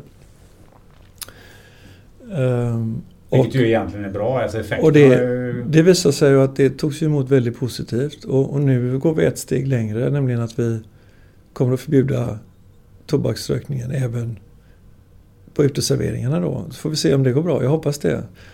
Uh, faktiskt. För jag, jag, tycker det eh, har blivit så väldigt mycket bättre när folk slutar röka på restaurangerna och man kunde andas även inomhus. inte lika känsligt utomhus naturligtvis. Men, men jag hoppas även där att vi kan slippa cigarettrökning. Det är lite paradoxalt här nu då att eh, man vill gärna låta cannabisrök eller cannabiskonsumtionen släppa den fri medan man alla tycker att det är okej okay att man... Det, ska... det, det är paradoxalt och jag tycker det på något sätt att det är tragiskt att vi ska göra om samma misstag med med cannabisrökningen som vi har gjort med, med tobaksrökningen. Då, när vi, vi borde liksom ha lärt oss redan där. Eh, de skadeverkningar som vi ser med, med tobaksrökning finns ju också naturligtvis på cannabis när det gäller exempelvis ökad risk för, för olika cancersjukdomar. Eh, eh, inte säkerställt i alla led men, men för vissa cancerformer finns det eh, goda belägg för att det ökar riskerna betydligt och mer än vad tobak gör. Eh, så att det är ju inte så, det är liksom inte mindre skadligt ur den, ur den aspekten att röka cannabis. Och, eh, intressant är exempelvis i Holland hur man där då förbjöd rökning inomhus. Vilket innebar att de här coffeeshopsen där man fick röka cannabis. Nej, de fick inte röka cannabis inomhus utan de fick de gå ut på serveringarna. Så att där skulle ju naturligtvis ett sådant förbud på uteserveringarna eh, leda till en ordentlig inskränkning i, i de möjligheterna för coffeeshopsen att överleva. Vi ska avrunda så småningom här. Ehm, eh, men om du skulle få bestämma eh, och se det ur ett samhällsperspektiv. Mm. Ehm, vilka åtgärder skulle du vilja göra för att vi ehm, skulle komma till rätta eller skulle förbättra situationen kring de här frågorna som vi, har, som vi har pratat om nu. Dels har du ju varit inne på det när det gäller själva vården och vårdkedjan ja. men också den här preventiva eh, sidan. Dels när det gäller att hitta de som eh, lätt kommer att halka dit när det gäller narkotika men även att begränsa eh, tillgängligheten. Om du skulle liksom gör, ta så att de här tre grejerna skulle jag bestämma om. om Ja så här, har du funderat på det någon gång? Nej, det har jag ju inte egentligen. Kanske så att jag sitter med några, några eh, smarta svar på de svåra frågorna. Men, men jag måste säga att jag, jag ser ju preventiva insatser som det absolut viktigaste. Och det är väldigt viktigt att man tänker på det, att man skiljer på de preventiva insatserna och de som sen ges i vård och behandling. Eh, när det gäller preventionen så är det ju arbetet i skolan som är det absolut viktigaste. Jag tycker att vi måste ha en fungerande utbildning av framförallt lärarna kring de olika svårigheter och, som finns kring det här med ADHD och andra bokstavskombinationer, vad det innebär. Vilka är det som har svårigheter att genomföra skolgången? Det är faktiskt i första hand unga pojkar. Det är inte tjejer. Tjejer klarar skolan betydligt bättre idag än vad killarna gör. Det är de unga killarna som, som ligger risigast till. Och det är de svagpresterande i skolan som sen ligger risigast till i vuxenlivet för att klara sig överhuvudtaget. Och där är det ju superviktigt att de undviker droger. Eh, så att utbildningar i mycket högre och bättre omfattning till framförallt lärare men också elever på, på flera nivåer. Det, det är A och O som jag ser det. Och att stötta de, de, de pojkar som har svårigheter i skolan och att titta just efter de som har svårigheterna. Då. Sen när det gäller vård och behandling så, så kan jag ju se som sagt var att vi har jättestora svårigheter att få en fungerande vårdkedja från akutsjukvården till psykiatrin till beroende. Uh, när vi sk skriver ut någon så, så, skriver vi ofta en remiss till en psykiater som kommer och bedömer patienten och så hoppas vi att psykiatern ska fixa en, ett, ett andra besök, alltså en uppföljning. Men det gör de inte därför att det ligger inte på dem att göra det. Eh, utan det ligger på oss men samtidigt ligger det inte på oss heller utan det ligger på socialtjänsten och socialtjänsten Nej, de samarbetar vi inte riktigt med som vi borde. Så där, där finns ett enormt glapp. Man kanske skulle införa exempelvis obligatoriska hembesök till de som har legat inne för en livshotande förgiftning eller överdos. För att se hur personen mår. Mm. Du var inne på det här med skolan jag tycker att eh, det är ett, en väldigt bra ingång till mina sista frågor. För jag tänkte fråga dig så här att eh, om eh, en kille eller tjej som går i gymnasiet då har inte fått tag på sprit på en, en fredagkväll och så kommer det någon som säger eh, men testa lite cannabis. Du kan få, mm. Få lite av mig, lite marijuana eller lite hash. Och, och, det blir skitbra. Du blir inte bakfull och dina föräldrar kommer inte märka något. Och, och, dessutom så blir ju mm. festen rätt kul. Um, hur, hur ska man tänka som ungdom när du råkar in i det där? Eller är det någonting man ska ha tänkt igenom innan? Ja, jag tror man måste ha tänkt igenom det innan. Och, och som sagt var, det, det, finns inte några så här käcka enkla svar på den frågan för det är en, en, en svår fråga. Men jag tror att det är viktigt att ha, liksom ha tagit ställning till det där i förväg. Annars så blir det för svårt och grupptryck i, i ungdomsåren är ju enormt svårt att, att stå emot. Va? Så det, det, är naturligtvis så att många kommer att prova på. Men för det första, det, det första du sa att dina föräldrar inte kommer att märka någonting är ju inte sant. Föräldrarna kommer att märka någonting ganska tydligt och föräldrarna har märkt det hos många ungdomar som använt cannabis några gånger. Utan, utan att ungdomarna har insett det. Ja, men man ser det oftast på, på, på de tecken man uppvisar med en ökad trötthet, man har hängande ögonlock, man får röd, röda konjunktiver i, i, i ögonen och, och, till slut så får man ju andra förändringar också som märks. Så att föräldrarna märker inte alltid men jag skulle vilja säga det här med att ungdomar tror att föräldrarna ingenting märker, det stämmer inte riktigt. Utan det, det märks och syns. Uh, I många fall.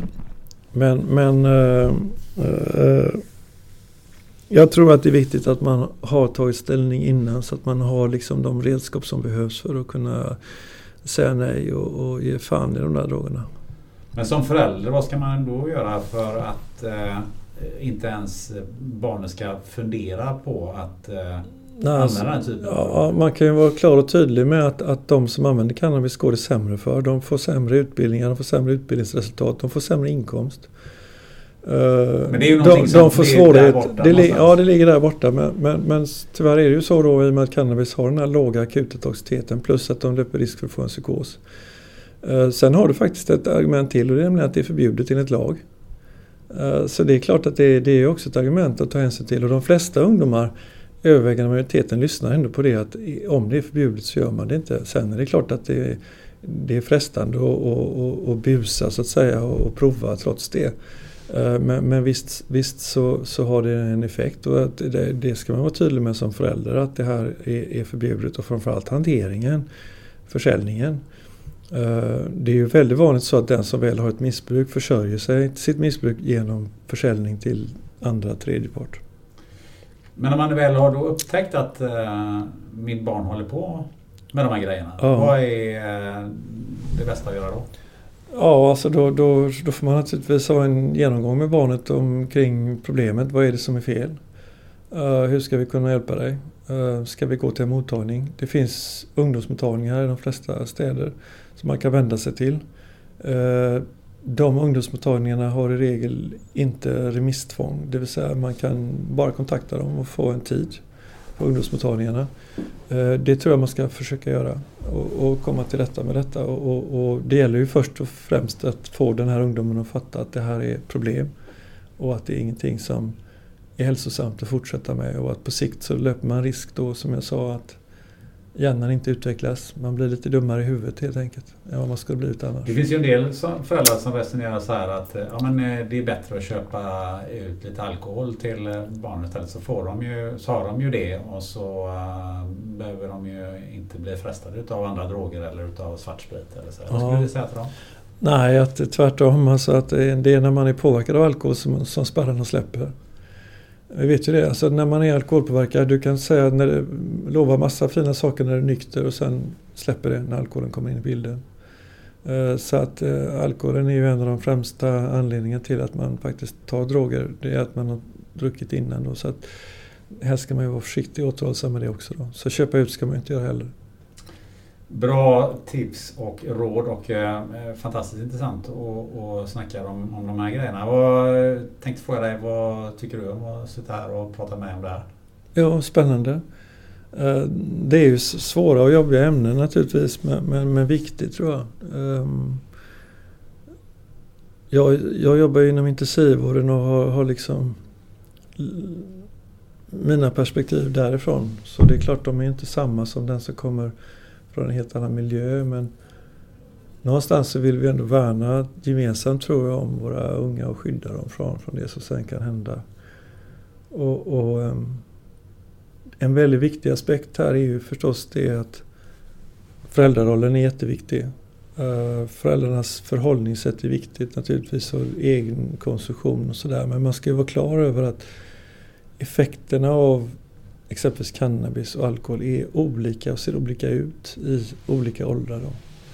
Uh, så att uh, det måste man ha med sig. Vem skulle du vilja se att bli intervjuad i den här podden?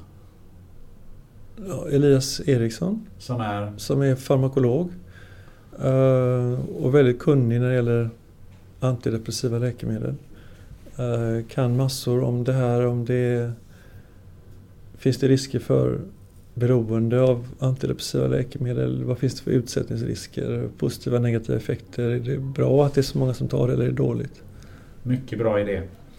Eh, om man vill ha tag i dig eller och ställa fler frågor eller följa dig på något sätt eller sådär, hur, hur gör man då?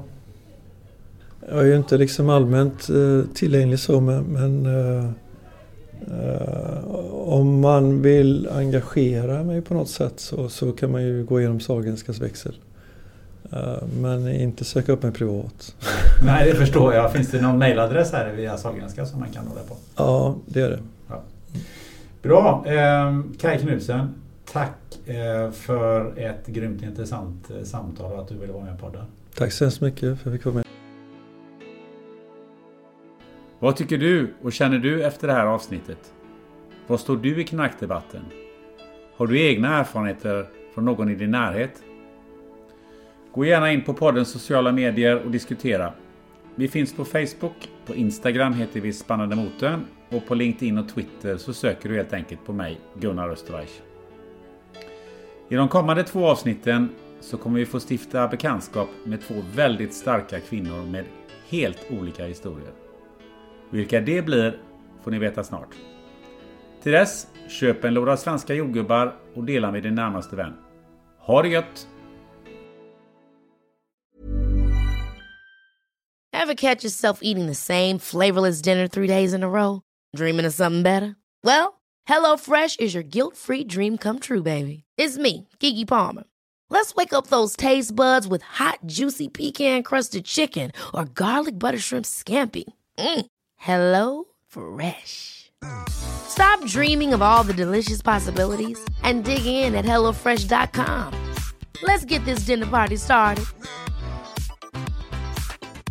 Hi, I'm Daniel, founder of Pretty Litter. Did you know cats tend to hide symptoms of sickness and pain? I learned this the hard way after losing my cat, Gingy. So I created Pretty Litter, a health monitoring litter that helps detect early signs of illness by changing colors, saving you money and potentially your cat's life. Pretty Litter is veterinarian developed, and it's the easiest way to keep tabs on your fur baby's health right at home. Go to prettylitter.com and use code ACAST for 20% off your first order and a free cat toy. Terms and conditions apply. See site for details.